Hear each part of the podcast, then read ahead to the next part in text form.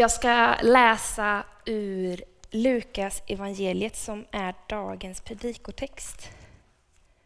Kapitel 6, vers 37 till 47. Nej, 37 till 42.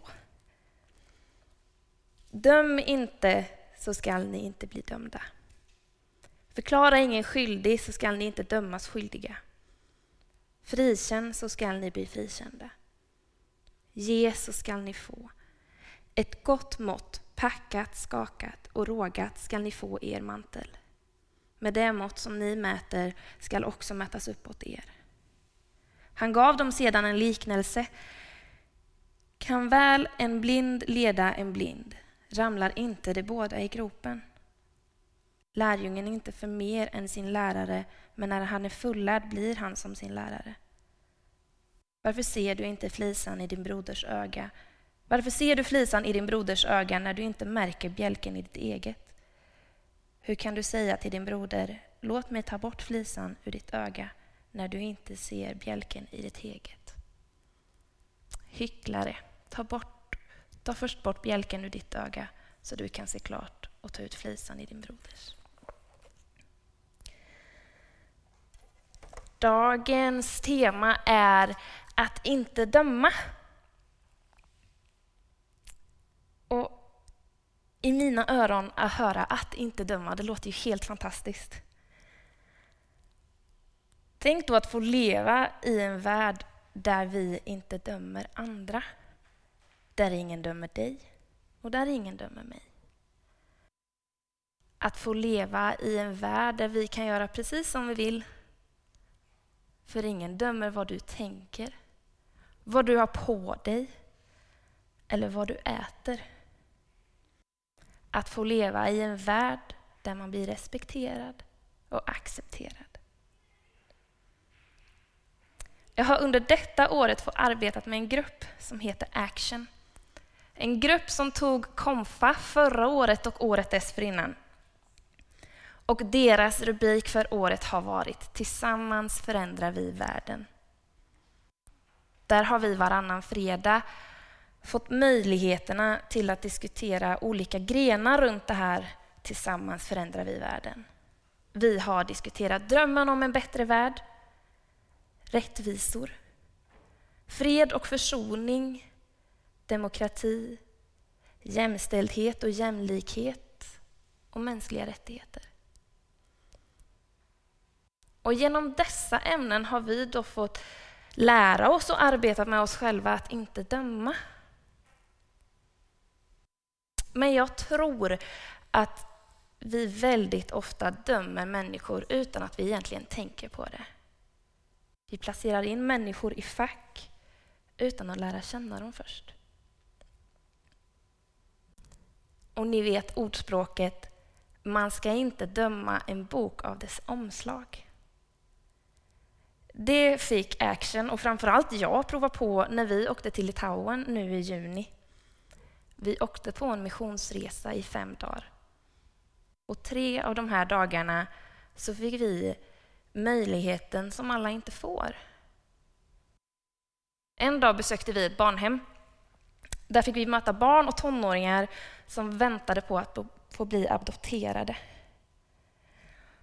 Och för mig fick jag arbeta hårt med att inte döma deras föräldrar. Att inte döma dem för att de hade lämnat dem där. Att inte döma dem för att de inte fick den uppväxten jag fick. Och att se dem längta efter ett kärleksfullt hem.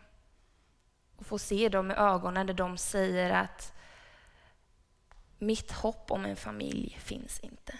Det är ute. Eller när vi besökte ungdomsfängelse för pojkar. Att inte döma de ungdomarna för deras handling. Utan att försöka förstå att det de gjorde var ett felsteg. Att våga sätta sig med dem och prata med dem och fråga frågor om hur livet är i fängelset. Hur var ditt liv utanför fängelset? Vad drömmer du om och vad, vad tror du din framtid handlar om? Och då där få möta flera ungdomar som har blivit kristna under den här tiden. Att där få jobba med det både starkt personligt och privat. Men det går tyvärr väldigt fort att döma andra och tyvärr så blir man dömd själv också. Så hur ska vi kunna göra för att inte bli dömd? Som jag läste i Lukas evangeliet kapitel 6, vers 37 till 38 så stod det så här. Döm inte så skall ni inte bli dömda.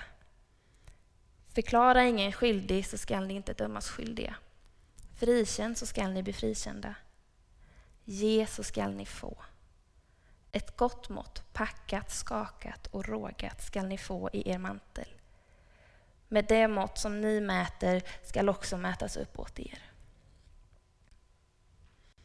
Jag tänker jättemycket på barnhemsbarnens föräldrar och påminner mig själv om att de älskar sina barn men inte klarade av det för tillfället.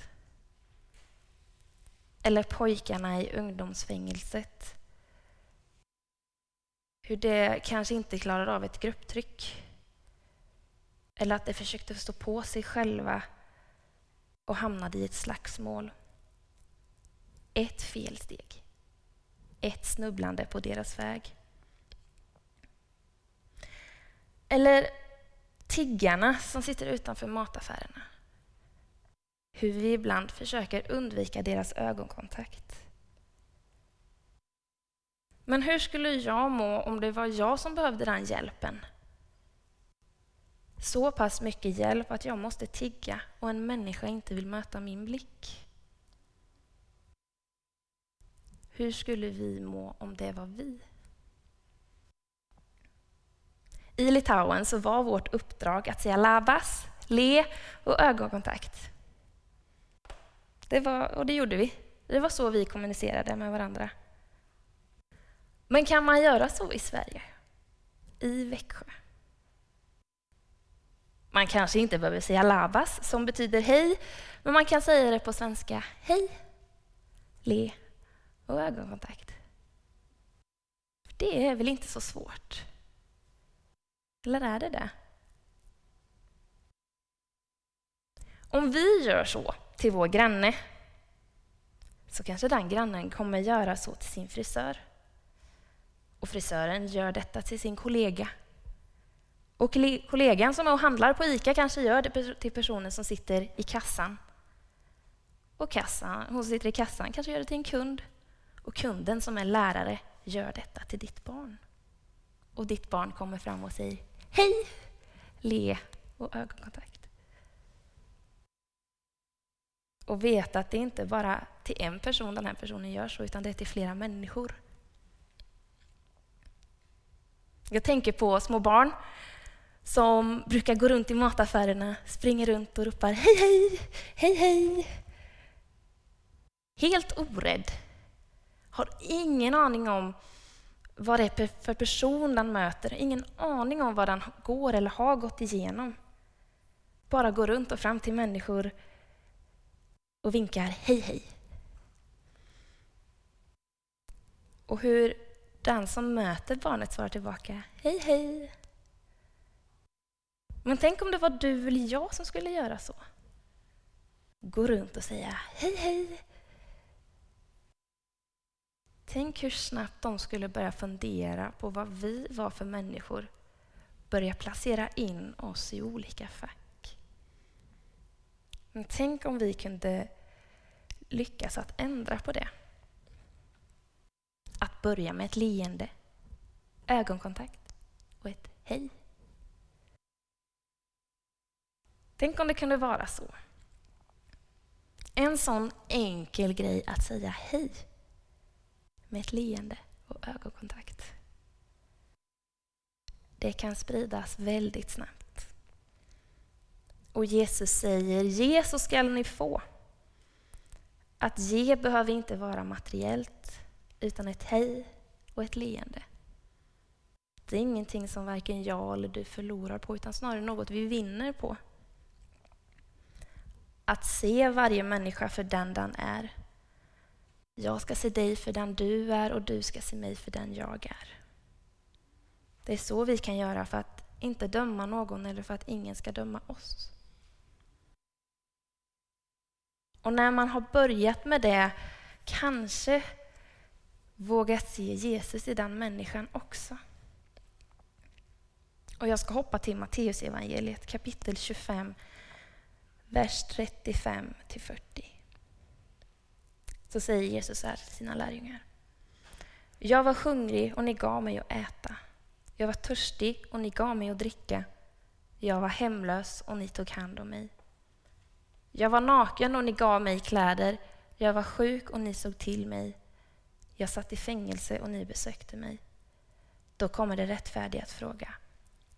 Herre, när gav vi dig kläder? När såg vi dig hungrig och gav dig mat? När satt du i fängelse och besökte dig?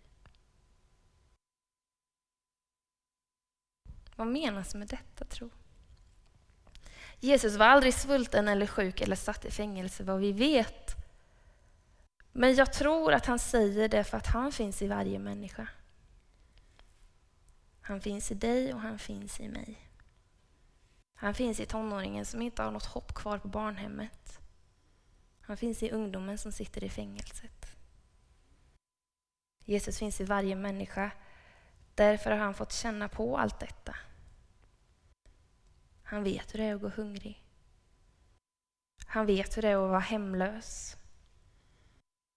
Han vet hur det är att få sitt hjärta krossat och han vet hur det är när man blir mor eller farförälder. Och sedan står det så här i Matteusevangeliet.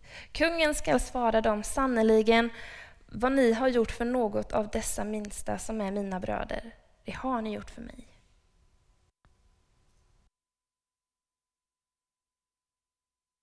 Så det du gör för tiggaren som sitter utanför ICA, det gör du också för Jesus.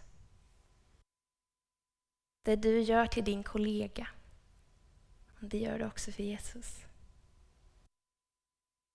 Den människan du säger hej med ett leende och ögonkontakt och inte dömer, det gör du också för Jesus. Då till att leva i en värld att inte döma. Hur fantastiskt låter inte det? Där ingen dömer dig eller någon annan. Och Jesus säger, döm inte så skall ni inte bli dömda. Vi ber.